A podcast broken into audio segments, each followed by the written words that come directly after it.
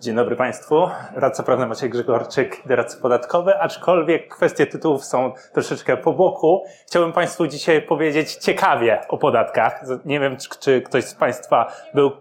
Okej. Okay.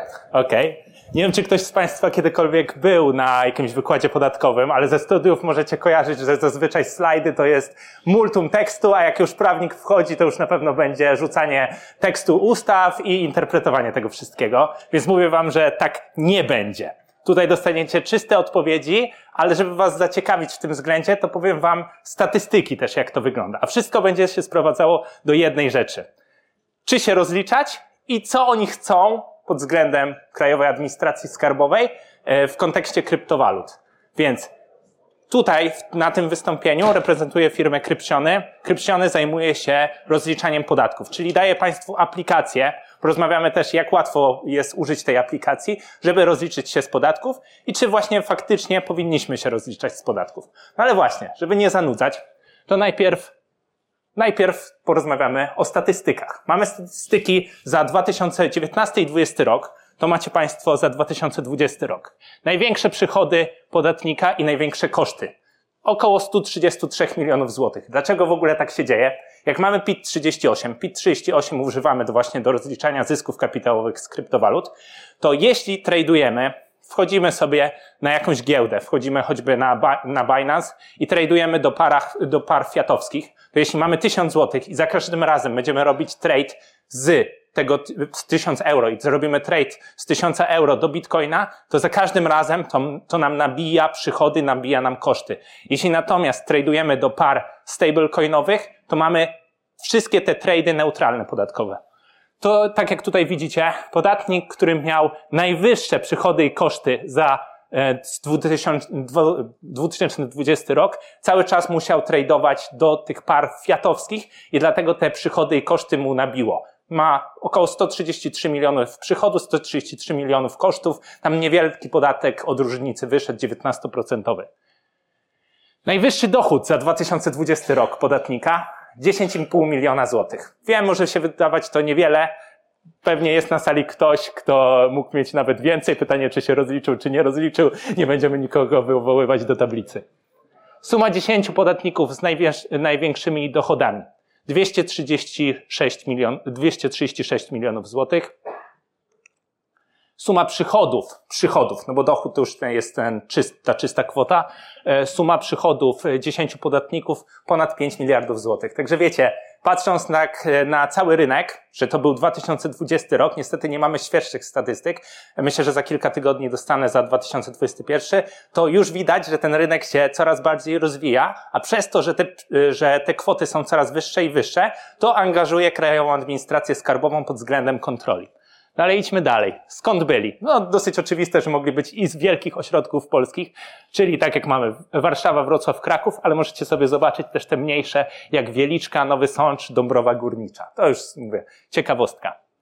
Ile osób się rozliczyło? Za 2019 rok 3200 podatników. Za 2020 już ponad 10 tysięcy. Jeśli będziemy mieli ten wzrost taki wykładniczy razy 3, to już wiemy, że tych podatników rozliczających się jest co najmniej kilkadziesiąt tysięcy osób. Czyli widzicie, że rynek kryptowalut, również pod względem takim legalnym, podatkowym, niewątpliwie się rozwija, bo faktycznie podatników rozliczających się jest coraz więcej i więcej. Najłatwiejsze rozliczenie podatków aktualnie co do polskich rezydentów podatkowych i rezydentów Wielkiej Brytanii, bo Krypciony to jest aplikacja właśnie pozwalająca na rozliczenie podatków w Polsce i Wielkiej Brytanii, to możecie jej użyć. Użycie jest bajecznie proste. Do nas, jeśli ktoś się zgłasza do kancelarii jako, jako wrocławskiego KHG, my w pierwszej kolejności mamy gotowego maila. Jeśli Państwo mają mało transakcji fiatowskich, nieskomplikowaną sytuację, to proszę iść do Krypciony najzwyczajniej w świecie podłączacie się przez API do danej giełdy.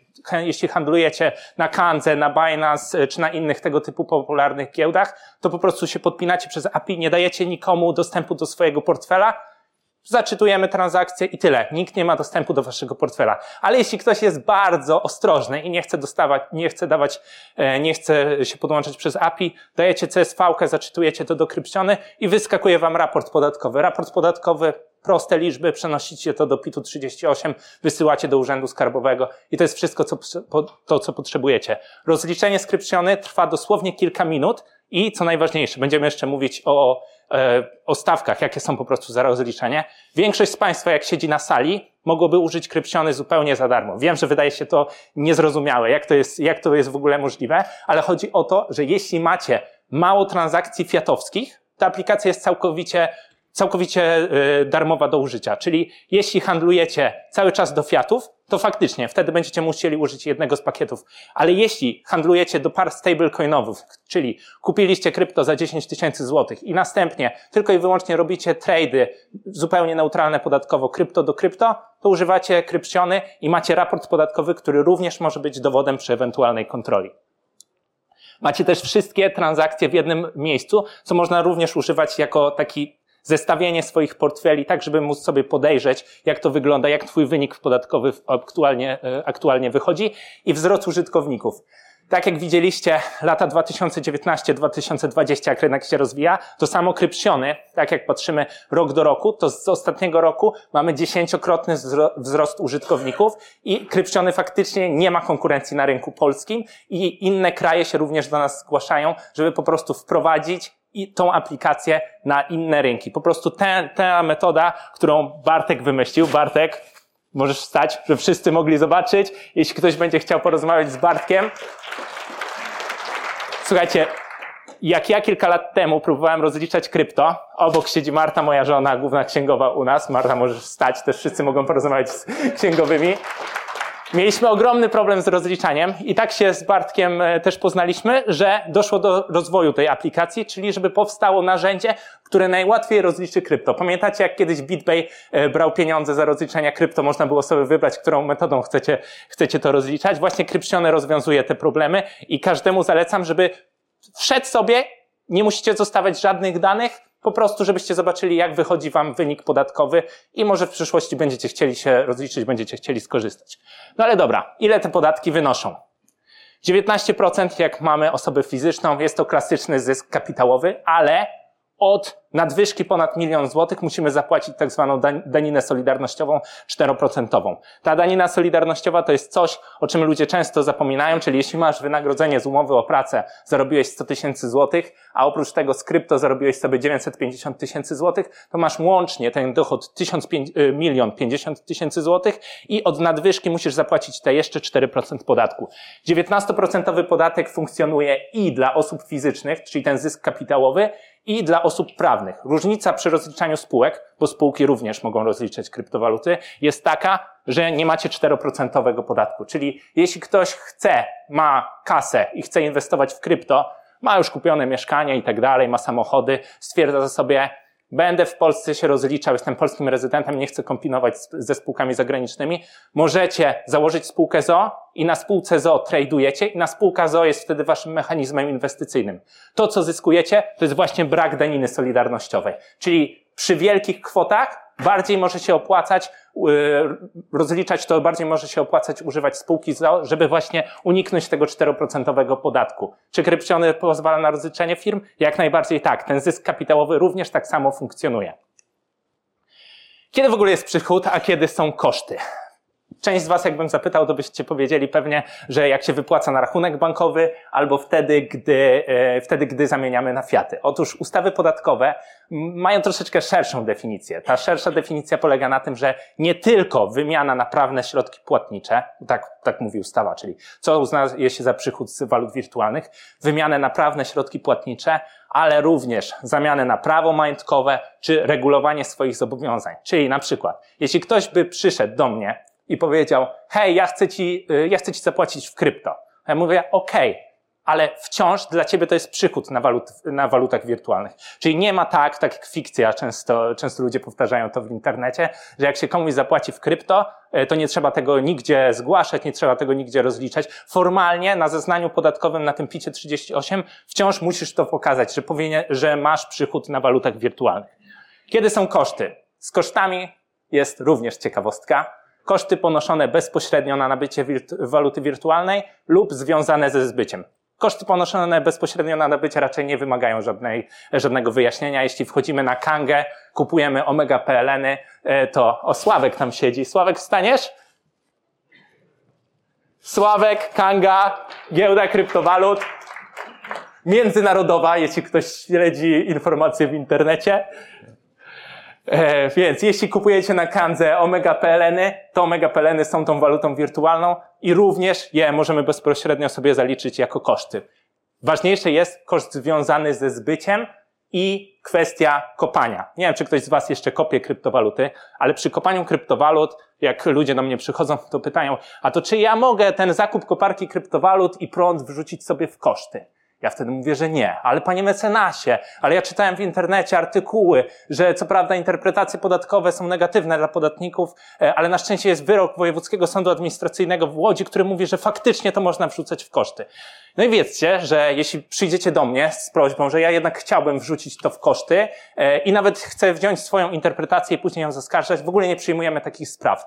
Przerobiliśmy siedem województw, doszliśmy do Naczelnego Sądu Administracyjnego i te informacje, które macie w artykułach piszą marketerzy. No sorry, ale tak po prostu jest. E, to się dobrze czyta, że skarbówka, że wojewódzkie sądy administracyjne bronią podatników. W praktyce jest tak, że Naczelny Sąd Administracyjny powiedział, że niestety, ale zakup koparki nie jest tym kosztem poniesionym bezpośrednio na nabycie, ani nie jest nawet związanym ze zbyciem, i że trzeba by było zrobić ingerencję ustawodawcy, żeby zmienić te przepisy, bo w tym momencie nie można tego wrzucać w koszty i tak jak mówię, nie przyjmujemy takich zleceń i w ogóle nie ma, nie ma absolutnie nad, nad, nad czym dyskutować.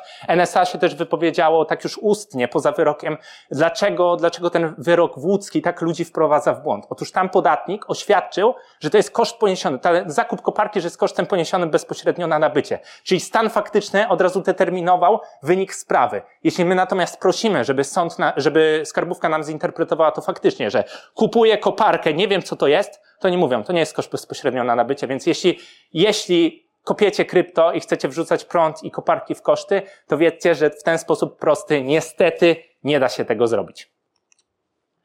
Do kiedy się rozliczamy?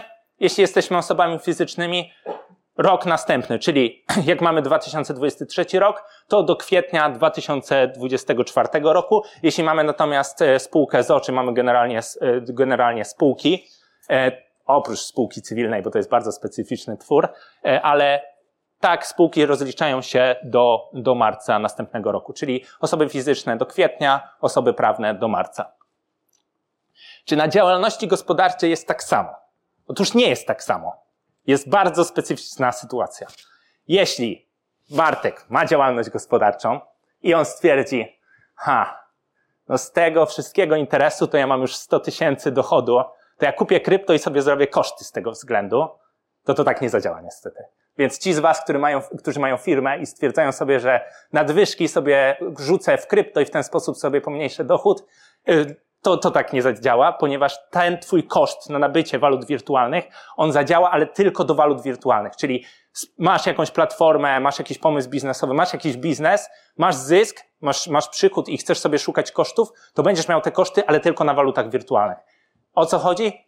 Przychody i koszty z działalności gospodarczej nie, nie łączą się z przychodami i kosztami na walutach wirtualnych.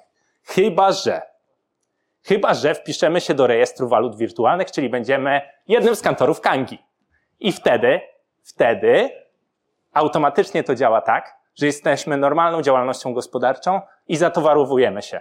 Czyli kupujemy krypto i już nie mamy w ogóle zysków kapitałowych. Zapominamy o picie 38 i zapominamy o cicie WW, który jest dla spółek.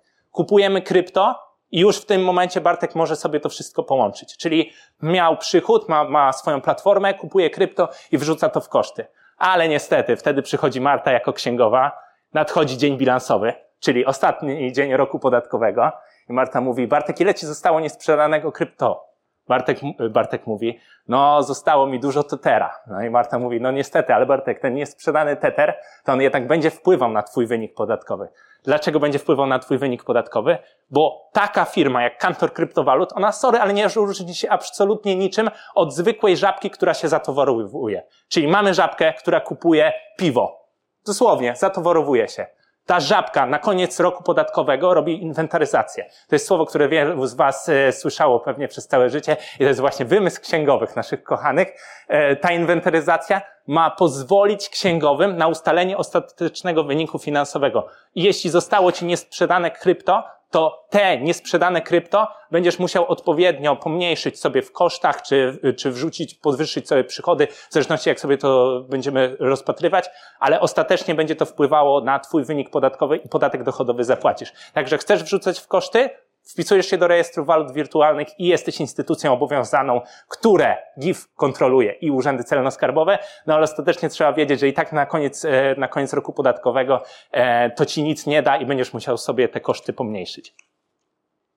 Czy jak kopię, to się rozliczam, czyli mam działalność gospodarczą, stwierdzam, że kupuję sobie koparkę, nie wrzucam je nawet w koszty, posłuchałem mnie, to jak się rozliczam? Czy rozliczam to e, na moim, na moim picie z działalności gospodarczej? Nie. Wciąż wrzucam to na zyski kapitałowe. Jeśli jesteście traderami, czyli handlujecie na Kandze czy gdziekolwiek indziej, to wciąż macie zysk kapitałowy. Tylko i wyłącznie rozliczamy się na działalności gospodarczej e, standardowo, wtedy, kiedy jesteśmy wpisani do rejestru walut wirtualnych. W innym przypadku kompletnie nie możemy tego robić. A czy jak handluję NFT-kami, to też. Z Bartkiem rozmawiamy właśnie o tym, jak zrobić e, rozliczenie na NFT-kach. Otóż na NFT-kach jest bardzo specyficzna sytuacja. Jeśli ktoś wejdzie na mój kanał na YouTubie nazywany Kryptoprawo, e, to tam są filmy odnośnie NFT-ków, jak powinniśmy je, e, jak powinniśmy je rozliczać. Otóż przy NFT-kach jest problem kwalifikacyjny. No bo co je, czym jest w ogóle NFT? Ma, nie mamy definicji NFT-ka, mamy definicję, czym jest waluta wirtualna. Waluta wirtualna jest wymienialna na prawny środek płatniczy i akceptowalna jako środek wymiany w obrocie gospodarczym. No NFT-ków tak generalnie to OpenSea i zamiana na ETH, prawda? To taki najbardziej popularny przykład. No jest problem taki, że nie ma wymiany do prawnych środków płatniczych, więc te NFT-ki co do zasady nie są, nie są walutą wirtualną. Jak nie są walutą wirtualną, to czym mogą być? Mogą być instrumentem finansowym albo mogą być innym prawem majątkowym. W każdym razie, tak jak ja to postrzegam, to po prostu NFT-ki nie są walutą wirtualną. E, wyszły pierwsze interpretacje podatkowe na ten temat i problem jest taki, że jeśli firmy robią tokenizację, to mogą niestety wpadać w podatek od towarów i usług. Zrobiliśmy takie tokenizacje w Polsce dla firm, czyli ktoś, e, ktoś wyemitował swoje tokeny i sprzedawał te tokeny i nie dość, że zapłacił VAT od takich, od takich sprzedawanych, e, sprzedawanych tokenów, to jest jeszcze drugi problem, że przyjmujesz jako firma E, środki od osób fizycznych z pominięciem rachunku bankowego i nabijasz to na kasę fiskalną. Wiem, że możecie myśleć, że sobie wymyślam jakieś niestworzone historie, ale faktycznie w Polsce kilka takich tokenizacji zrobiliśmy. Co prawda, większość osób, jak patrzy, ile podatku zostawia w ten sposób, to idzie na spółki zagraniczne, no ale to już jest szerszy temat. Czyli jak mamy NFT-ki, jest problem z rozliczeniem, bo ja przynosząc ETH na OpenSea, zamieniam ETH na OpenSea na, e, na, walu, na NFTK, to ja tak naprawdę reguluję swoje zobowiązanie, czyli sprzedaję moje ETH, a kupuję NFTK. Czyli mamy rozliczenie osobno na PICie 38 i osobno rozliczenie dla praw majątkowych, czyli poza walutami wirtualnymi. Kosmos pod względem takim, że trzeba to liczyć indywidualnie. Niestety w tym momencie jeszcze nie ma narzędzia, ale też nie ma się co tak specjalnie obawiać. Przy kontrolach, jak dotąd widziałem, e, jeśli ktoś powiedział, że no on faktycznie tak naprawdę to handlował wszystko walutami wirtualnymi, to oni się z tym niespecjalnie przejmują. Także jeśli przynosicie do Kryptiony swoje rozliczenia, dajecie tak naprawdę swoje rozliczenia na giełdach kwiatowskich i wszystko wam wynika, a kontrole podatkowe w tym momencie przynajmniej jeszcze się tym nie przejmują. Co ze stakingiem, swapami i kontraktami? Najpierw staking. Dwa wnioski o interpretację już puściłem. Niestety w obu dostałem odmowę wydania interpretacji. Wiecie, jak w Polsce funkcjonują interpretacje podatkowe obecnie? To jest niesamowite po prostu. Otóż musisz opisać stan faktyczny, zadać pytania i dać swoje stanowisko i oni ci to ocenią. Nie? Czyli każdy z was by chciał opisać, na czym polega staking, zadać pytanie i dać stanowisko, że on jest neutralny pod względem podatkowym. Ja też tak próbuję robić, tylko skarbówka jest wycwaniona. Skarbówka wzywa mnie, wzywa was do uzupełnienia stanu faktycznego. Czy ten staking to jest wymiana pomiędzy walutami wirtualnymi? Hej, ale skarbówko, ja ciebie proszę, żebyś mi to zinterpretował. Nie zinterpretowałem odmowa wydania. Drugi raz próbujemy trochę innym schematem, niestety drugi raz mamy odmowę. Więc skarbówka nie chce nam zinterpretować tego cholernego stakingu, ale na szczęście mamy e, ocenione, czym są swapy, czym są kontrakty. E, kontrakty długoterminowe. Otóż swapy, jakbyście korzystali, e, to swapy się rozlicza tak jak waluty wirtualne, natomiast kontrakty długoterminowe powiedziano, powiedziano nam niestety, że je należy rozliczać jak instrumenty finansowe. Przy kontrolach, jeszcze raz mówię, tym się akurat nie zajmują. Przy kontrolach pokażę Wam slajd z jednego wezwania z Urzędu Celno-Skarbowego. O co pytają? Wiem, że część z Was będzie na pewno zainteresowana, bo, bo ten slajd wzbudza zazwyczaj największe, największe zainteresowanie. Jak płacę kartą kryptowalutową, to czy muszę się rozliczyć? To jest regulowanie twoich, Twojego zobowiązania, więc tak, powinieneś się rozliczyć jak najbardziej. E, w tym roku wchodzi DAC 7, nie DAC 8, DAC 7 reguluje rynek e-commerce, więc jako, że tymi kartami często płacimy na rynku e-commerce, to wiedzcie, że DAC 7, czyli dyrektywa unijna, będzie polegała na, na raportowaniu takich transakcji właśnie do Krajowej Administracji Skarbowej. Na 2026 rok jest, e, jest prognozowane wejście DAC 8. DAC 8 jest również dyrektywą unijną i ona ma skutkować raportowaniem transakcji stanu majątkowego, portfeli kryptowalut e, właśnie również do Krajowej Administracji Skarbowej. Kto jest kontrolowany? Kontrolowani są i mali, i duzi. Z Bartkiem na ten temat rozmawialiśmy. Kontrola to jest taki, taki lekki skrót myślowy. Otóż ci duzi, oni mają kontrolę zazwyczaj z urzędów celno-skarbowych, e, bo Urząd Celno-Skarbowy to jest taka wyspecjalizowana jednostka skarbówki. Wiele razy używam tutaj słowa Krajowa Administracja Skarbowa, więc teraz na całe życie będziecie mogli, e, mogli zapamiętać, na czym w ogóle ta skarbówka polega, bo to jest takie używane zamiennie, e, zamiennie pojęcia. Otóż wiedzcie, Mamy urzędy skarbowe. Urzędów skarbowych w Polsce jest kilkaset, około 500, niecałe 500. I mamy urzędy celno-skarbowe. Tych urzędów celno-skarbowych jest kilkadziesiąt. Skarbówka jako urzędy skarbowe to jest taka podstawowa, podstawowa jednostka, E, pracują tam wykwalifikowani ludzie. Nie mogę powiedzieć, że nie wykwalifikowani, więc nazwijmy, że wykwalifikują, wykwalifikowani ludzie tam pracują. Mamy urzędy celno-skarbowe, gdzie są wysoko wykwalifikowani ludzie i nad tymi dwoma podmiotami jest dopiero izby, są dopiero Izby Administracji Skarbowej, 16 w całej, w całej Polsce. Więc o ile ci duzi są kontrolowani przez UCS-y, to ci mali zazwyczaj są kontrolowani czy sprawdzani w ramach czynności przez urzędy skarbowe. Czy powinienem się rozliczyć? W styczniu 2023, właśnie teraz, zauważyliśmy istotny wzrost tego, że ludzie zaczęli dostawać wezwania. Skarbówka uczyła się kilka, kilka lat ostatnich e, pod względem tego, jak należy te kryptowaluty rozliczać. Zresztą Izba Administracji Skarbowej we Wrocławiu zrobiła szkolenie w sierpniu 2022 roku. Szkolenie na 150 slajdów, gdzie powiedzieli wprost, że na przykład tokeny inwestycyjne i temy w grach to nie są waluty wirtualne i ich nie trzeba, nie można tak rozliczyć. Albo powiedzieli też, że nie ma znaczenia, na jakiej giełdzie się handluje. Ważne jest pod względem posiadanych dowodów, czy ty, podatniku, masz dowód zakupu, sprzedaży kryptowalut.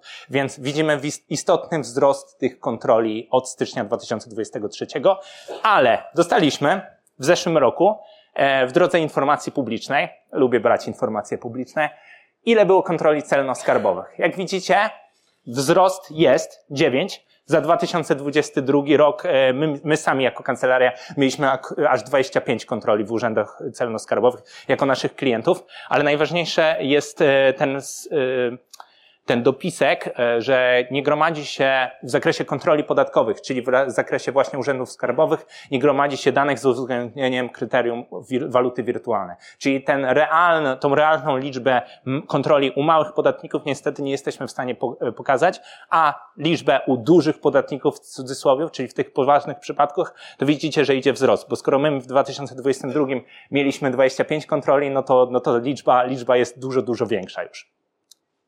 E, a o co wzywają?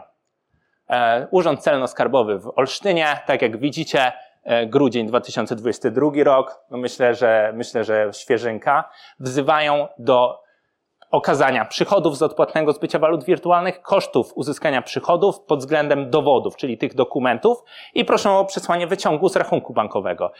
Na takim etapie kontroli nie pytają o to, jak doszło do wzrostu wartości Twoich kryptowalut, na jakich parach kryptowalutowych handlowałeś i tak dalej, i tak dalej. Oni są zainteresowani tymi dwoma rzeczami, czyli przychody i koszty pod względem dowodów i historia z rachunku bankowego. Co jak jednak się nie rozliczę? No i teraz bym wam powiedział, że są miliony kary, ale powiem wam, jak to w praktyce wygląda. Mamy artykuł 54 kodeksu karnego skarbowego i on mówi, że można dostać karę do 720 stawek dziennych. Nikt nie wie o co chodzi. To, to taki standard. Przepisy uwielbiają powiedzieć do 720 stawek dziennych. Otóż, jak się daje karę w kodeksie karnym skarbowym, to trzeba w zależności od, okoliczności dobrać liczbę stawek dziennych, czyli mamy do 720 stawek dziennych i trzeba dobrać wysokość stawki dziennej. Wysokość stawki dziennej może być od kilkudziesięciu złotych do kilkunastu tysięcy, czyli w praktyce może być kara do milionów. Porozmawiajmy w praktyce, jak to wygląda. Jeśli, a teraz nie wymienię żadnego imienia, więc jeśli X nie zapłaci podatku, nie zapłaci 100 tysięcy złotych, i dostanie kontrolę, będzie musiał zapłacić, e, będzie musiał zapłacić zaległy podatek 19%, e, będzie musiał zapłacić też odsetki od tego, e, od tego, od tego podatku i dostanie karę z kodeksu karnego skarbowego. Pamiętajcie, nie zapłaciliście 100 tysięcy złotych podatku. Ile w praktyce dostaniecie tej kary? Tego wam prawnicy nie powiedzą, bo prawnicy boją się mówić takie rzeczy na żywo. Otóż karę dostaje się 10-20% tego uszczuplonego podatku. Czyli w praktyce przy nieodprowadzonym podatku, jeśli idziecie w dobrowolne poddanie się karze, a najlepiej jest to zrobić robić w takim wypadku, żeby nie robić sobie problemów, to dostajecie 10-20 tysięcy złotych, jeśli to jest właśnie te 100 tysięcy nieodprowadzonego podatku, plus około 1,5 tysiąca złotych jeszcze takich kosztów urzędowych. To kiedy się rozliczyć? Na pewno. Zawsze powinniście się rozliczyć, ale porozmawiajmy o tym, kiedy skarbówka faktycznie najczęściej wszczyna, wszczyna swoje kontrole. Otóż, jeśli kupujecie nieruchomości albo kupujecie jakieś ruchomości istotne, typu samochody, to są rzeczy, które trafiają do skarbówki i wtedy skarbówka może wszcząć swoją kontrolę, czy nie macie dochodów z nieujawnionych źródeł. No ale wtedy Hania mówi, Hania, pomoc wkrypciony, odpowiedzialna za mnóstwo rzeczy. Hania wstań, żeby wszyscy wiedzieli, do kogo, do kogo się odezwać w zakresie krypciony. E, Hania mówi, ale jest domniemanie niewinności w Polsce i to wy mi udowodnijcie, że, e, że tak naprawdę ja nie odprowadziłam jakiegoś podatku. Ale skarbówka mówi, nie, nie, nie, Hania, to tak nie działa. Artykuł 25g Y, ustawy pitowskiej robi odwrócony ciężar dowodu i mówi, Hania, to ty masz udowodnić, ten, to, że te pieniądze były legalne, jeśli te pieniądze powstały w ciągu pięciu lat. A Hania mówi, one powstały siedem lat temu i się bujajcie. Ale oni wtedy mówią, to jeśli to zobowiązanie podatkowe jest przedawnione, to musisz przynajmniej uprawdopodobnić legalność tych źródeł. Więc wiedzcie, że wy musicie mieć przynajmniej uprawdopodobnione legalność źródeł pod względem podatków, a najlepiej rozliczyć się skrypcjonem, mieć raport podatkowy, który również jest uznawany jako jeden z dowodów. Czyli to jest właśnie dowód źródłowy rozliczenia. Tak nazywamy te raporty skrypcione. Zawsze się rozliczyć najlepiej zdecydowanie. Czy sprzedaż krypto na 0% w Polsce jest możliwa? W tym momencie nie, ale zdradzę Wam ciekawostkę, niestety nie mogę powiedzieć nic więcej, że jest procedowana jedna ustawa w Polsce na wzór przepisów w Luksemburgu i w kilku innych e, krajach. Chcą wprowadzić jedną instytucję w Polsce, którą nie pomyśleli. Jeśli to wprowadzą, to puszczam interpretację podatkową. Jestem 90% przekonany, że dostanę pozytywną i będzie się dało rozliczyć w Polsce e, krypto na 0% podatku zupełnie legalnie i podejrzewam, że będzie tak, że po kilku miesiącach zalepią tą dziurę. Niestety nie mogę powiedzieć nic więcej, bo jeśli to powiem, to podejrzewam, że oni się zorientują w dziurze w przepisach. Dzisiaj do mnie podeszła jedna osoba i mówiła, a jest taki popularny sposób na optymalizację, że mam krypto w Polsce, stawiam sobie spółkę w Estonii, pożyczam te, pożyczam te krypto do Estonii i następnie e, w Estonii sprzedaję te krypto bez żadnego podatku. I czy to jest legalne? Legalne jest. Wam powiem, nie jest to żaden schemat podatkowy, w ogóle tak, tak bym tego nie rozpatrywał. Możecie tak zrobić, Możecie postawić spółkę w dowolnym kraju na świecie, tylko ta spółka musi mieć substrat działalności. Jeśli stawiacie sobie spółkę na drugim końcu świata i ta spółka nie ma substratu działalności, czyli tak naprawdę to jest wydmuszka, nie ma tam nic w tej spółce, w tej spółce. Takie założenie sobie wirtualnego biura to jest, to jest żadna, żadna, żadna metoda. Spółka w Estonii, jako, jest, jako że jest w, w europejskim obszarze gospodarczym, to może być również CFC-kiem. Czym jest ten CFC? Zagraniczna jednostka kontrolowana. Jeśli masz spółkę w Estonii i ona jest twoją wydmuszką, to ta spółka w Estonii będzie potraktowana jako polski podatnik CIT i musi odprowadzić polskie podatki. Niewiarygodne, ale to jest wprost w przepisach napisane. Czyli jeśli masz spółkę w Estonii, to ona, żeby nie była CFC-kiem, musi prowadzić rzeczywistą, istotną działalność gospodarczą, a z tym często spółki estońskie mają problem. Jak to będzie w przyszłości wyglądało? To jest jeden slajd, który ma trochę więcej tekstu. Zastanawiacie się, który prawnik napisał taką ciekawostkę, nie? Nie napisałem tego. Jak wchodziły przepisy, nowelizacja ustawy AML-owskiej, to na 72 stronie uzasadnienia tej ustawy, przeczytałem całą, jest właśnie to, że do stworzenia i utrzymywania centralnej bazy danych rejestrujących e, tożsamość użytkowników i adresy kont waluty wirtualnej. Aktualnie jest tak, że GIF, czyli Urząd AML-owski, zaczął wysyłać pisma odnośnie tego, jakimi posługują się firmy kryptowalutowe, firmy, nie podatnicy indywidualni, firmy kryptowalutowe, portfele, czyli chcą poznać dane portfeli. Uważam, że trzeba z tym walczyć. Nie uważam, żeby GIF miał podstawę do tego, ale na pewno, na pewno tego żądają. No i zobaczymy, jak to będzie wyglądało w przyszłości. Niestety ta perspektywa tego DAC 8, czyli tej dyrektywy unijnej, e, świadczy o tym i te plany, które już, już były, że to się ziści, że niestety będzie rynek tak skonstruowany, że będą wiedzieli o adresach portfeli, y, portfeli kryptowalutowych. Czyli tak jak mówię, GIF wysyła, wysyła pisma, e, dotąd wysłał do 16 podmiotów w Polsce. Wiele im odmówiło i na razie GIF nie robi nic więcej, no bo nie ma wprost takiego czystego uprawnienia. Nie ma w ustawie, że oni mogą zażądać adresów portfeli. A o co chodzi w tym AML-u? Dlaczego GIF się z tym zajmuje? Ja uważam, że nie chodzi tak naprawdę o przeciwdziałanie praniu pieniędzy, bo tak jak Sławkiem publikowaliśmy trochę informacji, e, że w oficjalnych raportach krypto wcale nie jest wykorzystywane aż w taki istotny sposób do prania pieniędzy. E, zazwyczaj, no stety, niestety, ale chodzi o to, żeby e, w krypto troszeczkę, troszeczkę uniknąć podatków. No i AML również ma zalepiać te kwestie podatkowe. DAC 8 tak jakby Was interesowało w 2026 roku, tak jak mówiłem. Może być obsuwa, podejrzewam, że będzie. E, będzie e, będzie, będą musiały platformy kryptowalutowe dawać informacje do Krajowej Administracji Skarbowej odnośnie pełnej nazwy, rodzaju aktywów, kwoty brutto zapłaconej, otrzymanej, wartości rynkowej i liczby jednostek objętych transakcjami. Czyli tak, tak troszeczkę dużo, nie? To, co chcieliśmy, żeby było zawsze w naszym portfelu, żeby nikt o tym nie wiedział, e, to, to na giełdach, tych giełdach ceksowych, to może się skończyć. Dlatego tak, ja, tak jak Kanga mówiła, że dobre by było przekształcenie CEXa w DEXa, a raczej zrobienie takiej konwersji CEX-DEX. E, no ale to już, to już Sławek może powiedzieć kilka słów na ten temat. Ja uważam, że w przyszłości będą białe i czarne kryptowaluty. E, w tym momencie, jak my prowadzimy sprawy odnośnie oszustw kryptowalutowych, to zwracamy się o wydanie postanowienia, żeby zablokować te kryptowaluty na określonych portfelach. E, prokuratura tego nie robi sama, tylko po prostu my robimy analizę przez blockchain i widzimy, że to poszło na przykład na hot wallet e, Binance'owy, bo tak się najczęściej zdarza paradoksalnie. Mnóstwo tych kryptowalut leci, leci na Binance.